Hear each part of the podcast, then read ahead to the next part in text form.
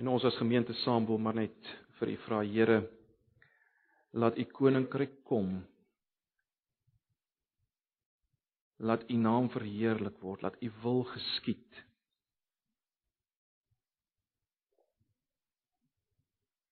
op aarde soos in die hemel. Asseblief. En as ons nou gaan besig wees met u woord en met hierdie ongelooflike belangrike onderwerp van geloof wil ons vra Here help ons om u gedagtes agter u aan te dink en niks anders nie. Asseblief, ons vra dit in Jesus se naam. Amen. Uh ons het uh, dit goed genoem om te kyk na die die vyf solas van die reformatie waarvan ons vandag uh hervorming Sondag vier. Uh, ons doen dit oor 'n tydperk en daarom gaan ons nie net onsself uh beperk tot een gedeelte nie, maar asseblief hou die Bybels byderhand, ons gaan wel uh die skrif uh baie gebruik vir oggend. Ons het nou begin om te kyk na die die eerste sola, die skrif alleen, sola scriptura. En ons het vir mekaar gesê dat vir die reformatie was baie belangrik dat die Bybel, die skrif alleen die gesag is vir die Christen se lewe. Maar ons moes vir mekaar vra maar kan ons nog hierdie sola met vrymoedigheid onderskryf? Kan ons dit steeds doen? En daarom het ons eerstens gekyk na die Bybel as dokument en ons het vir mekaar gesê, ons het gesien, uh, vertrou ek, dat ons kan die Bybel as dokument vertrou. In 'n volgende boodskap het ons gekyk na die feit dat die Bybel is die een groot ware verhaal van die werklikheid. Jy kan nie jouself verstaan en dit waarin jy op pad is as jy nie hierdie verhaal verstaan nie. Die verhaal van God se koninkryk, die kom van God se koninkryk. En ek en jy leef in hierdie verhaal. En die gesag vir wat ons doen as deel van hierdie verhaal is die res van hierdie verhaal die res van die Bybel. En totdat die koning van die koninkryk weer gaan kom, moet ons daarmee besig wees om die koninkryk van God uit te dra, te vergestalt, te verkondig. Totdat die koning gaan kom en die koning is natuurlik niemand anders nie as Jesus self. Hy is die koning van die koninkryk. En daarom het ons by 'n tweede geleentheid gekyk na solus Christus. Christus alleen. En ons het gesien, ons kan en ons moet hierdie hierdie wekroep van die reformatie, solus Christus, ons moet dit vashou en uitjubel. Hoekom? Want Jesus is die weg, die waarheid en die lewe. Hy is die enigste weg na God, want hy is die waarheid van God en hy is die lewe van God. En En dis nie net relevant het ons mekaar gesê vir elke verlore mens daar buite nie. Dit is en bly relevant vir elke Christen. Elke Christen wat die gevaar loop om die Christelike lewe met ander woorde dinge soos Bybel lees en gebed en getuienis en selgroepe en noem maar op. Elke Christen wat geneig is om hierdie dinge die pad te maak moet weer en weer besef dis nie die pad nie. Christus self is die pad. Daar's geen ander pad na God nie. Daar's ook geen pad na Christus die pad. Moenie enige een van hierdie Christelike dissiplines weer die pad na Christus die pad maak. En daarom het ons mekaar gesê dat as jy dorheid en doodsheid belewe in jou Christelike dissiplines, is die antwoord nie om harder te probeer om te bid en harder te probeer om Bybel te lees nie. Nee, vlug na Christus self vlug na Christus self en hy maak weer ons Christelike dissiplines lewend. En is juis op hierdie punt waar die volgende sola so relevant is. Sola fide. Die geloof alleen. Hoekom? Want broers en susters, dis deur geloof alleen wat ek weer gekoppel raak aan Christus. Dis deur geloof alleen wat ek weer gekoppel raak aan Christus. En dit is baie belangrik as ons dink oor hierdie geloof dat die aard van hierdie geloof mag nie van so 'n aard wees dat dit Christus alleen bedreig nie, né? Met ander woorde, geloof alleen mag nie Christus alleen vervang nie. Die plek van Christus inneem nie. Verder meer moet die geloof alleen waarvan die reformatie gepraat het, hierdie geloof alleen mag nie in stryd wees met die wekroep genade alleen. So wat jy ook al dink van geloof, dit mag nie in stryd wees met die wekroep genade alleen nie. Ons word gered deur genade alleen nie. Verder meer, uh mag ons siening van geloof alleen nooit 'n streep trek deur soli deo gloria nie. Aan aan God al die eer nie. Dit mag nooit 'n streep daardeur trek. So dit is baie belangrik, dink ek sal julle saam met my stem dat dat ons bietjie nadink oor geloof. As jy vir mense in Pretoria sou vra wat is geloof, dan sou jy verskillende antwoorde kry, nie waar nie? Ehm um, sommige ouens sal sê wel dit verwys na godsdiens. Jy het die Christelike geloof, ek het die Moslem geloof. Die Bybel praat natuurlik nooit so van of op hierdie manier van van uh van ander gelowe nie as as gelowe nie nê nee, dit dis afgodediens iets soos die moslim geloof in Bybelse terme is afgodediens dis nie ander geloof. Maar dis nie tipe antwoord wat jy sal kry. Of iemand sal sê geloof is daai persoonlike ding man. Ek glo ABC jy glo DEF dit maak nie saak nie. Al wat belangrik is jy moet net glo weet nie of julle dit al teëgekom het. Mense kry dit baie op op op op Flix. Jy moet net glo. Just believe. En dan is daar ouens wat uh, so sal praat oor geloof, hulle sal sê ja man, ek het nou nie so groot geloof soos Jan of Sunny nie. Ek het nou nie so groot geloof. Maar ek probeer daarom ook. 'n Paar weke gelede of ja, seker 1 of 2 weke gelede was ek by 'n uh, by 'n diens gewees, ek sal maar nie sê watter diens dit was nie. Waar die predikant vir 'n baie groot gehoor gesê het ek dink nie geloof is belangrik nie. Ek dink nie dit is belangrik dat jy glo nie. Dis net belangrik om soos Jesus te lewe. Die skokkende was natuurlik dat dit 'n predikant is van die Nederduits gereformeerde kerk en uh, dit in die reformatiejaar. Maar dis wat hy gesê het. So Ek dink tog is belangrik dat ons gaan kyk ver oggend na geloof. Kom ons lig dit op. En ons kyk uh na geloof aan die hand van 'n paar stellings. Mense kan een gedeelte vat en dit uitlê. Ons het dit gedoen uh toe ons Hebreërs gedoen het met Hebreërs 11. Vanoggend net 'n paar stellings uh wat gekoppel is aan 'n paar gedeeltes. Dit is op julle raamwerk. En die eerste stelling wat ek maak is dit: geloof is van deurslaggewende belang. Luister net na Hebreërs 11 vers 6 of as jy wil kan jy daarna kyk, ons behoort dit almal te ken. Uh die 53 vertaling, die meer letterlike vertaling lees so: En sonder geloof is dit onmoontlik om God te behaag. Ek dink die 83 vertaling sê sonder geloof is dit onmoontlik om te doen wat God wil. Maar hoor ons dit. Sonder geloof is dit onmoontlik om God te behaag. Uh, en en en en dit sal klaar vir ons dat uh dat enige een wat geloof as iets minder belangrik afmaak, is besig met 'n katastrofiese leuen. En en hierdie vers alleen of hierdie gedeelte van die vers uh alleen behoort te veroorsaak dat elkeen van ons onsself afvra glo ek. Nou, ek gaan nie nou weer in in diepte in op Hebreërs 11 nie, ons het dit gedoen. Uh ek wil net hê ons moet hierdie twee gedagtes onthou. Sonder geloof onmoontlik om God te behaag. En julle sal onthou in die res van hoofstuk 11 wys die skrywer dat geloof het al die godsmanne dwars deur die Ou Testament gekenmerk. So dis die eerste stelling. Die tweede stelling wat ek wil maak is dit. Geloof is nie iets wat outomaties deel is van jou nie. Dit is iets wat jy moet doen of moet beoefen. Luister net na Handelinge 16 vanaf vers 30. Dis die tronkbewaarder van Filippi wat praat.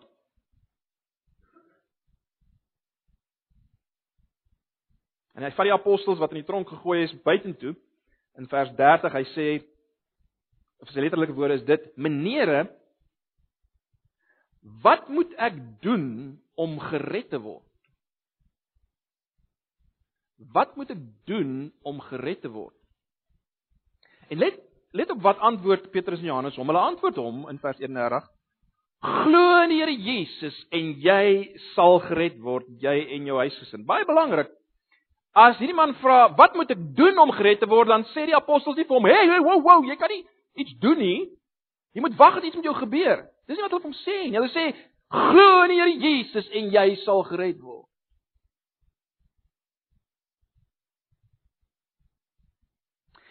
So dit lyk vir my 'n mens word nie outomaties gered nie, jy moet glo. Dis baie duidelik. Maar dit bring my by 'n volgende stelling. Hierdie geloof, hierdie geloof waarvan ons nou gepraat het, hierdie geloof wat ons moet beoefen, is groot afhanklikheid of groot magteloosheid. Hierdie geloof is groot afhanklikheid of groot magteloosheid. Ons het nou vir mekaar gesê geloof is iets wat jy moet beoefen, wat jy moet doen. Die onmiddellike vraag is natuurlik, okay, hy Jakobus, maar is dit dan nou iets verdienstelik? Met ander woorde, word ek gered op grond van hierdie geloof van my?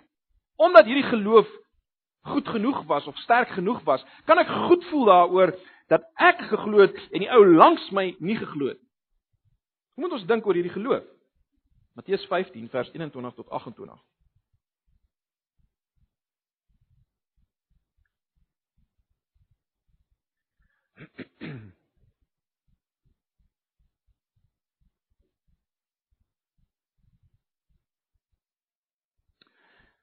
Lees van vers 1. Ek lees maar die 53 vertaling eh, bloot omdat dit die meer letterlike weergawe is. Dit stem baie ooreen met die eh, die nuwe direkte vertaling. En Jesus het daarvandaan weggegaan vers 21 na die streke van Tyrus en Sidon. En 'n Kananeese vrou het van daardie gebied gekom en hom geroep en gesê: "Wees my barmhartig, Here, seun van Dawid. My dogter is erg van die duiwel besete." Maar hy het haar nie 'n woord geantwoord nie. Toe kom sy disippels nader en vra hom: "Stuur haar weg want sy roep agter ons aan." Maar hy het dis Jesus antwoord en sê ek is net gestuur na die verlore skape van die huis van Israel. Daarom kom sy en val voor hom neer en sê Here, help my. Maar hy antwoord en sê dis nie mooi om die brood van die kinders te neem en dit vir die hondjies te gooi nie. En sy sê ja Here, maar die hondjies eet daarom van die krummels wat van die tafel van hulle baase afval.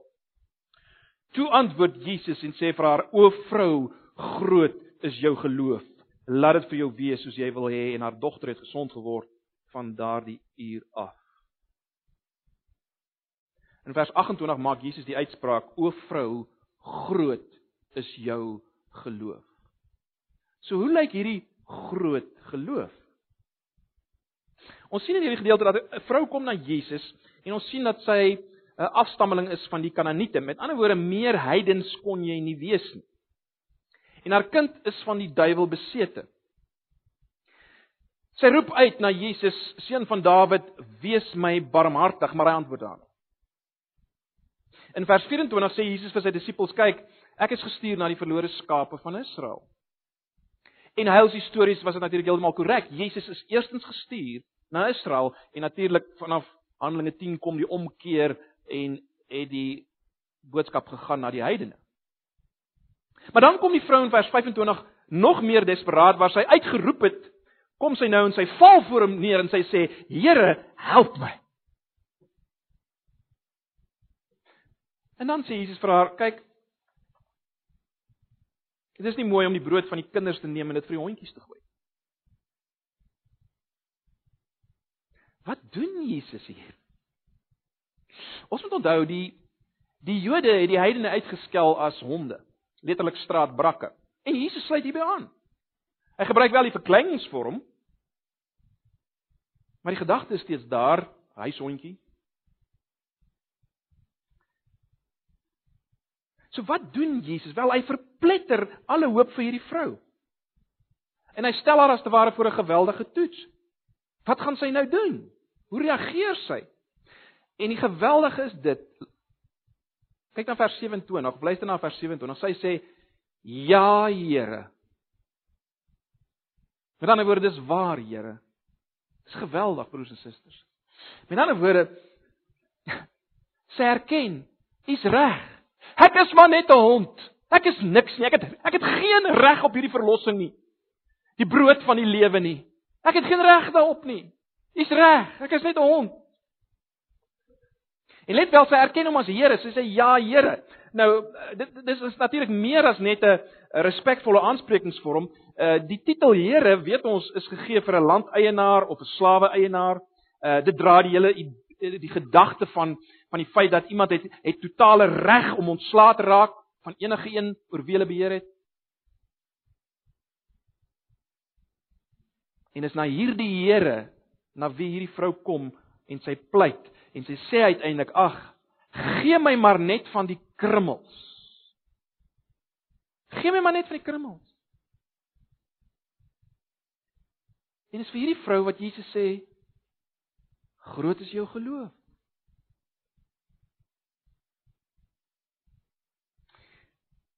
Met ander woorde broers en susters, groot geloof is niks anders as groot afhanklikheid. Groot hulpeloosheid, groot bankrotskap. Maar kom ons kyk na nog 'n gedeelte wat dit nog duideliker wys en miskien nog meer die fokus lig op die feit dat hierdie magteloosheid van geloof is gerig op Jesus. Hierdie magteloosheid van geloof is is is is is, is, is Jesus. Kom ons kyk na Markus 5. Markus 5. Ons kan ongelukkig nie die hele gedeelte hanteer nie. Dit is baie interessante gedeelte. Julle sal onthou het ons Markus gedoen het. Ek gaan net lees vanaf vers 25. Markus 5 van vers 25.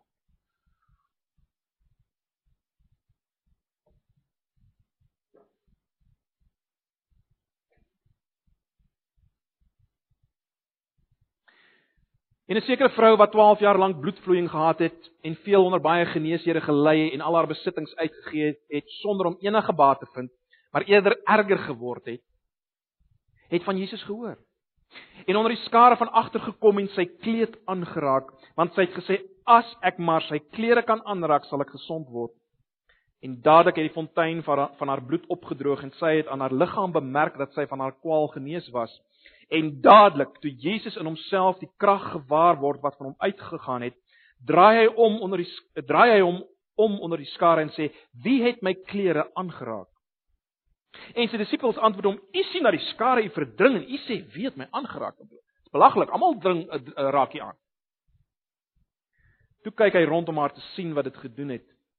Die vrou wat gevrees en gebeef het omdat sy wis wat met haar gebeur het, kom toe en val voor hom neer en vertel hom die hele waarheid vers 34 en hy sê vir haar dogter jou geloof het jou gered gaan in vrede en wees van jou kwaal genees dogter of ek dink die 83 vertaling sê vrou dogter of vrou jou geloof het jou gered Wat ons moet raak sien is dat hierdie magtelose geloof waarvan ons nou net gepraat het, het 'n baie duidelike voorwerp. Jesus. Geloof is nooit nooit net geloof nie. Die voorwerp is Jesus. En hier sien ons dit nog duideliker.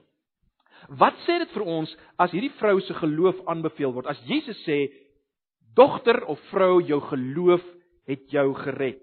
Daar's net 'n paar dinge wat ek wil uitlig. Uh eerstens ons weet dat Jesus alles van haar geweet het.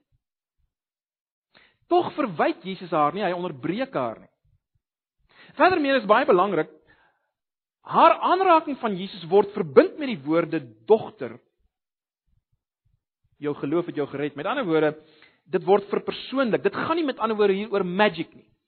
Uh dat sy deur magic genees is.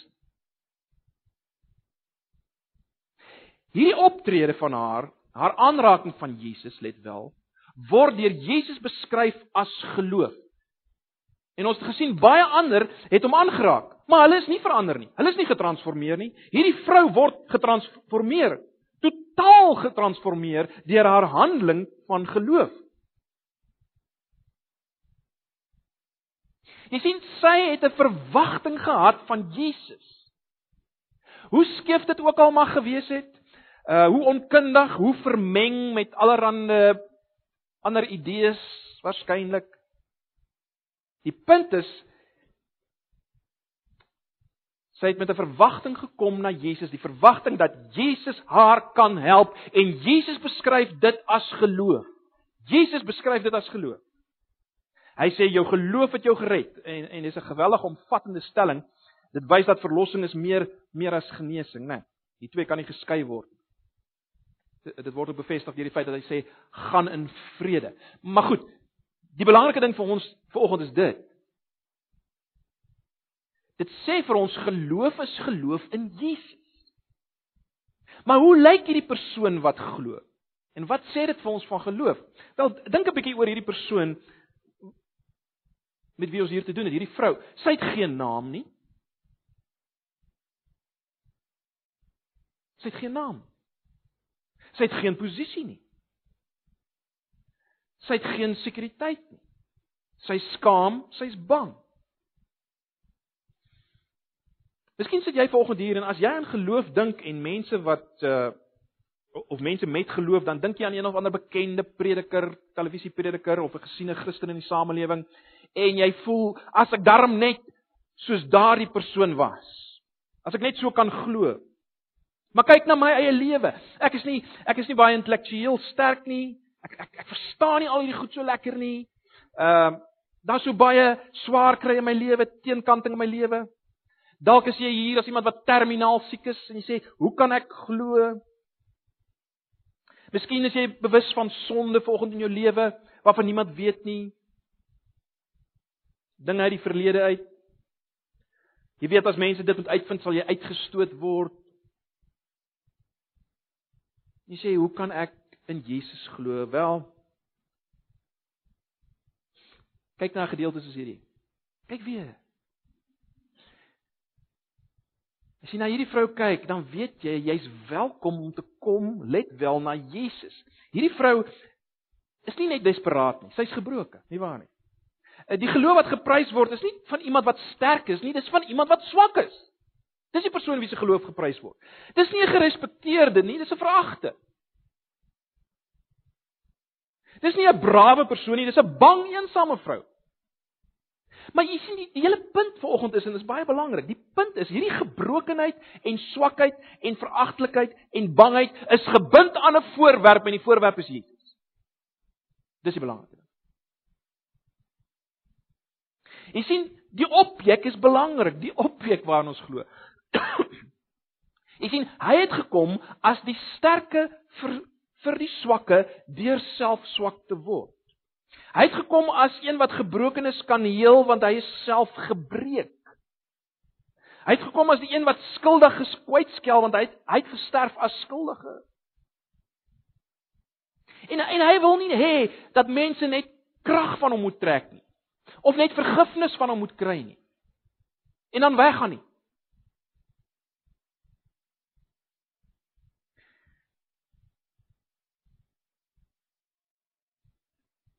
Ag, broers en susters, as jy vanoggend na hom roep dan dan mag jy hoor wie het my aangeraak. Jy sien Hy gaan dit nie vra omdat hy dit nie weet nie. Hy weet dit. Maar hy gaan dit vra omdat omdat hy in 'n verhouding met jou wil staan, 'n ek jy verhouding met hom wil staan. Ag ons ek, ek ek wil nie nou uitbrei op hierdie op hierdie gedeelte nie. So 'n wonderlike gedeelte. Die punt is geloof, die magteloosheid van geloof is gerig op Jesus. En baie belangrik, dis gerig op Jesus die gekruisigde spesifiek. Kom ons lees net Johannes 3 vanaf vers 14. Uh, julle ken dit. Johannes 3 vanaf vers 14.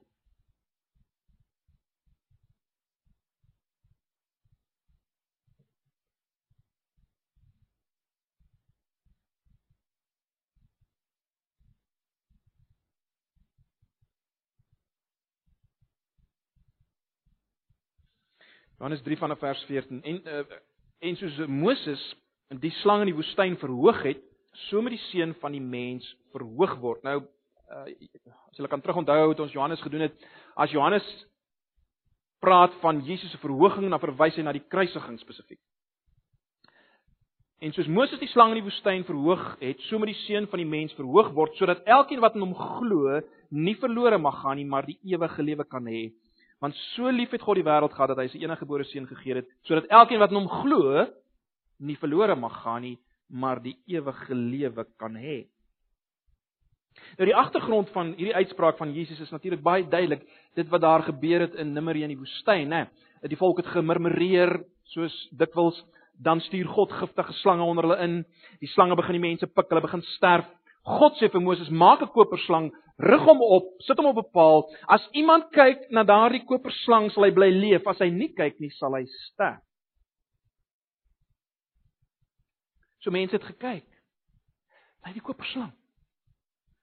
Al was hulle besig om te sterf en al kon hulle nie heeltemal duidelik sien nie, het hulle gekyk na die koperslang en hulle moes ophou homself die slange te probeer aftrek. Dit het nie gehelp nie. Hulle moes net kyk na die koperslang en as hulle kyk na die koperslang het hulle geleef. En die punt is dis geloof. Dis die punt wat Johannes wil maak, wat Jesus wil maak. Geloof is die kyk, let wel nie na 'n koperslang op 'n paal nie, maar geloof is om te kyk vanuit 'n posisie van sterwe, van dood na Jesus, die gekruisigde. En al kyk jy met 'n betraande oog, in 'n dowwe oog, as jy kyk na Jesus, word jy gered. Lewe jy? Lewe met 'n hoofletter. Jy sien wie wie red jou? Weereens die voorwerp. Jesus die gekruisigde. Dis nie jou geloof wat so wat die redding bewerk nie. Dis soos 'n ek het al die voorbeeld gebruik soos 'n drenkeling in die see wat wat besig is om te verdrink en dan kom daar 'n lewensredder en hy slaan sy arms om die lewensredder. Is dit sy arms wat hom red? Nee, dis die lewensredder wat hom red. Die arms is maar net die middele waardeur hy hang aan die lewensredder. En dis die hele punt. Kyk so na Jesus vanuit 'n toestand van drenkelingskap.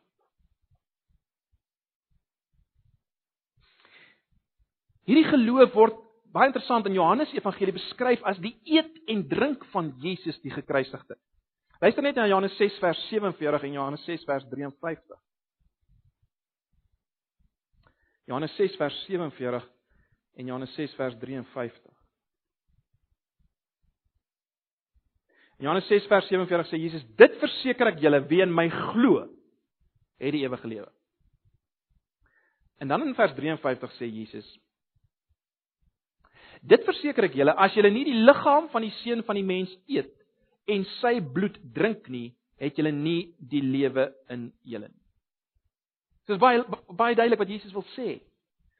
Soos iemand wat honger en dors is, iets heerlik sien wat hom kan versadig en sy dors kan les en dit dan eet en drink, so moet ons Jesus die gekruisigde sien as wonderlik as dit wat ons nodig het en ons moet hom as te ware eet en drink.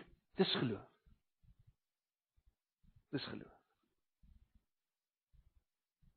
Dit bring my by 'n volgende stelling. Geloof neem God op sy woord. Sy woord oor Jesus die gekruisigde.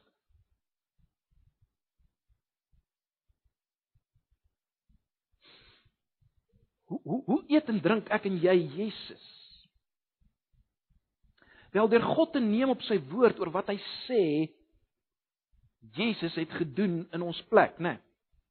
Bly bietjie nou Romeine 4. Uh, ons het nie so lank terug dit gedoen nie, maar baie vinnig. Romeine 4. Kom ons lees net 'n paar verse daar.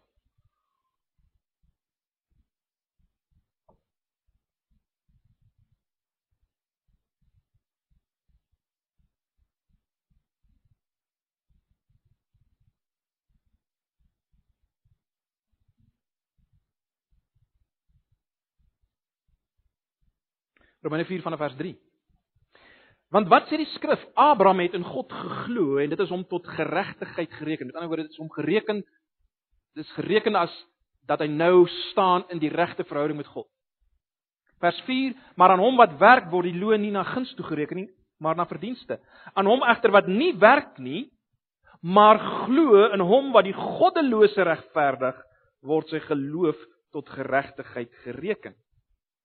En dan vanaf vers 20, kom ons lees net van vers 20. En hy, dis Abraham, het nie deur ongeloof aan die belofte van God getwyfel nie, maar hy is versterk deur die geloof en het aan God die eer gegee. Terloops hier sien ons dat geloof gee aan God die eer. Vers 21 en hy was ten volle oortuig dat God ook die mag het om te doen wat hy beloof het. Daarom is dit hom ook tot geregtigheid gereken. So hier sien ons dat Abraham, die vader van die gelowiges, hoe's hy hoe het hy in die regte verhouding met God gekom? Wel hy het in die regte verhouding tot met God gekom terwyl hy 'n goddelose was. En dat niks verander in hom nie. Hy was 'n goddelose. Maar hy was 'n goddelose wat God op sy woord geneem het, die belofte dat in sy nageslag sal die nasies geseën word. Hy het God geneem op daai belofte en hy's verklaar as in die regte verhouding met God. Maar hoe is dit moontlik? En wat van ons? Wel, kom ons lees vanaf vers 23 van Romeine 4. Vers 23 van Romeine 4. Maar is nie alleen om sy ontwil geskrywe dat dit hom toegereken is nie, maar ook om ons ontwil aan wie dit toegereken sal word, ons wat glo in hom wat Jesus ons Here uit die dode opgewek het, wat oorgelewer is ter wille van ons misdade en opgewek is ter wille van ons regverdigmaking.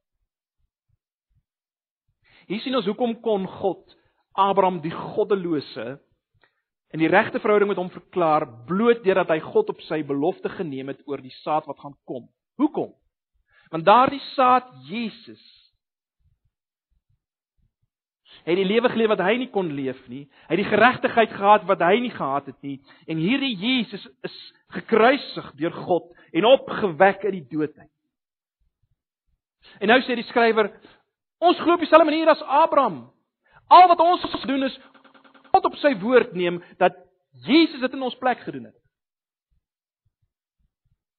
Dat sy geregtigheid op ons toegereken word, dat daar 'n uitruiling plaasvind, ons sonde op hom, sy geregtigheid, met ander woorde sy regte verhouding met God op ons. Deur bloot hom te neem op sy woord, dis geloof. Jy kan niks doen met 'n belofte nie. As ek 'n belofte maak vanoggend aan julle dat ek vir julle elkeen 'n helikopter gaan koop. Wat kan jy daarmee doen? Jy kan dit of glo of jy kan dit verwerp. Dit help nie jy begin werk en sê ek sal bietjie Jakobus se tuin gaan. Dis nie wat ek gesê het nie. Ek het gesê ek gaan vir jou 'n helikopter gee. Jy sien dis geloof om God te neem absoluut op sy woord. Sy belofte en vir ons die belofte. Ons kyk natuurlik terug na die belofte van wat hy aan Jesus gedoen het. Abraham het vooruit gekyk na die belofte. Die die punt is dieselfde. God regverdig die goddelose, ek en jy, net soos ons is. Ons word in die regte verhouding met God verklaar deur iemand anders se lewe, nie jou lewe nie, nie my lewe nie. Dank God daarvoor. Iemand anders se lewe. Deur die geloof. Deur God op sy woord te vat dat iemand anders in ons plek geleef het wat ons nie kan leef nie. Dis geloof. Dis geloof. En dit bring my by die volgende stelling: geloof is sekerheid. Kom ons gaan weer terug na Hebreërs. Hebreërs 11 vers 1. Hebreërs 11 vers 1.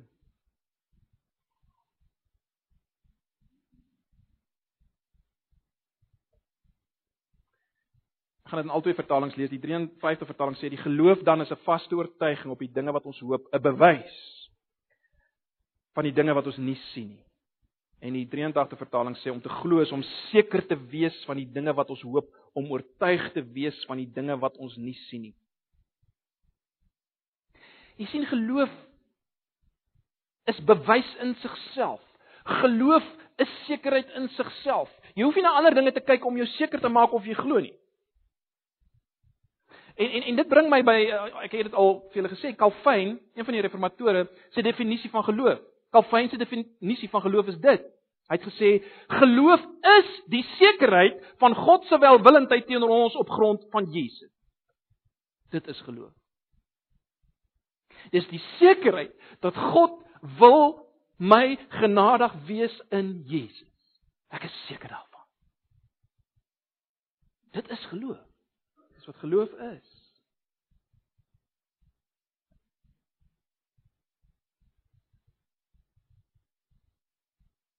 En dit bring my by my laaste stelling. Geloof alleen is die middel waardeur ek gered word. Maar hierdie geloof is nooit alleen nie. Sê dit weer. Om dit eenvoudig te stel, geloof alleen red, maar julle weet nou wat bedoel ons daarmee? Maar geloof wat red is nooit alleen nie. Met ander woorde, iemand wat so uit magteloosheid na Jesus die gekruisigde kom, God op sy woord neem, so iemand se lewe wys dit.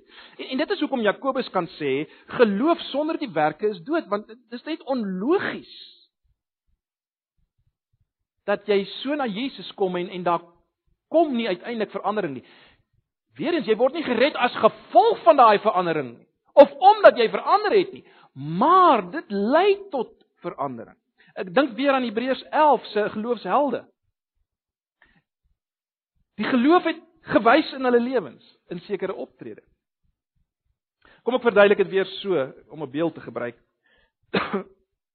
geloof en bekering is as te ware die skanier waarop die deur van redding draai. Hierdie skanier het twee plate. Een plaat is aan die deur vas en een plaat aan die deurkusyn. En hulle word aan mekaar gehou soos julle sal weet deur 'n pen, né? Uh waarop die hele deur draai. Jesus Christus is daar die deur, ons weet dit. Maar niemand kan deur hom gaan tensy hy nie glo en bekeer. 'n Ware skarnier bestaan nie net uit bekering nie. 'n Bekering wat nie aan geloof gekoppel is nie, is 'n wetsbehepte bekering. Kyk, nie Christene bekeer ook bekeer nou van hierdie ding, ek los hierdie ding. Maar dis nie Bybelse bekering nie. Bybelse bekering is gerig gaan saam met geloof in Jesus. Bekering sonder geloof loop dood in jouself en in jou sonde. Maar aan die ander kant, geloof wat nie aan bekering, met ander woorde verandering, ander optrede gekoppel is nie, is is valse geloof want want geloof is geloof in Jesus om jou van jou sonde te verlos. Om jou uiteindelik van jou sonde te verlos. Nie in jou sonde te hou nie. So dis maar 'n beeld wat ek probeer gebruik. Met ander woorde broers en susters, ja, geloof is leeg. Geloof is vir die hulpelose, geloof is vir die goddelose om vas te hou aan Jesus, maar persoon wat hierdie geloof uitoefen, daar sal uiteindelik verandering in gedrag kom. So geloof alleen red, maar geloof wat red is nooit alleen nie. En dis waar waarvoor die reformatie ook gestaan het. So ek sluit af. Die Christelike lewe begin met geloof. Geloof in Jesus tot redding, tot regverdigmaking. Maar baie belangrik hierdie geloof, hierdie leë hande van geloof, hierdie kyk na Jesus, hierdie neem van God op sy woord. Broers en susters, dis die lewe van die Christen. Dit eindig nie die dag as jy sogenaamd tot geloof gekom het. Dit gaan voor, dit gaan voor. Baie baie belangrik, hierdie geloof bly natuurlik 'n misterie. Ek meen, hoekom op die einde van die dag, hoe gebeur dit dat dat een persoon glo en 'n ander een nie. Hoe ontspring geloof? Hoe gebeur dit? Hoe gebeur dit wel? Luister net na Romeine 10 vers 17. Die geloof is dus uit die gehoor en die gehoor is deur die woord van God. Daar's ons weer by sola scriptura, né? Nee. Broers en susters, as ons wil hê mense moet glo, Help dit nie ons sê vir hulle, jong, jy moet nou net glo nie. Glo net. Glo glo nou nie. Nee, bring vir hulle die woord, bring vir hulle die woord, bring vir hulle die woord wat in diepste gaan oor Jesus en geloof sal ontspring. Geloof daardie werp op Jesus sal gebeur sola scriptura. Die geloof is deur die gehoor en die gehoor is deur die woord van God. Ag, ek sluit af. Paulus kort voor sy dood het finaal die belangrikheid van sola fide onderstreep. Luister 'n bietjie na hierdie vers. Julle ken dit. 2 Timoteus 4 vers 7. Paulus is aan die einde van sy lewe. Dis kan presies op sy sterfbed in ons terme. En hy sê die volgende, hy sê ek het die goeie stryd gestry, ek het die wedloop volëindig. Ek het die geloof behou. Broers en susters, Paulus kon baie ander goed gesê het aan die einde van sy lewe. Hy kon gesê het van al die gemeentes wat hy geplant het. En al die ouens wat aangeraak is deur hom en so meer. Maar hy sê vir my is die belangrikste ding, ek het die geloof behou, menende ek het voortgegaan om God op sy woord te neem oor Jesus. Ek het voortgegaan om Jesus op sy woord te neem. Ek het die geloof behou. Ag, broers en susters, as ons onsself beskou as gereformeerde Christene, is dit van kardinale belang. Uh lewensbelang dat ons dit kan sê aan die einde van ons lewens. Ek het die geloof behou. Ek het voortgegaan om met leë hande vas te gryp aan Jesus en al God se beloftes in en deur Jesus die gekruisig. Ek het voortgegaan om dit te doen. Ek het voortgegaan om dit te doen tot die einde. Mag die Here hierdie woord gebruik om juis geloof in ons op te wek tot eer van sy naam. Geloof gee aan God al die eer. Geloof gee aan God al die eer. Amen. Ons bid saam. Ja, Here, baie baie dankie vir u woord. Want ons vanoggend kon kyk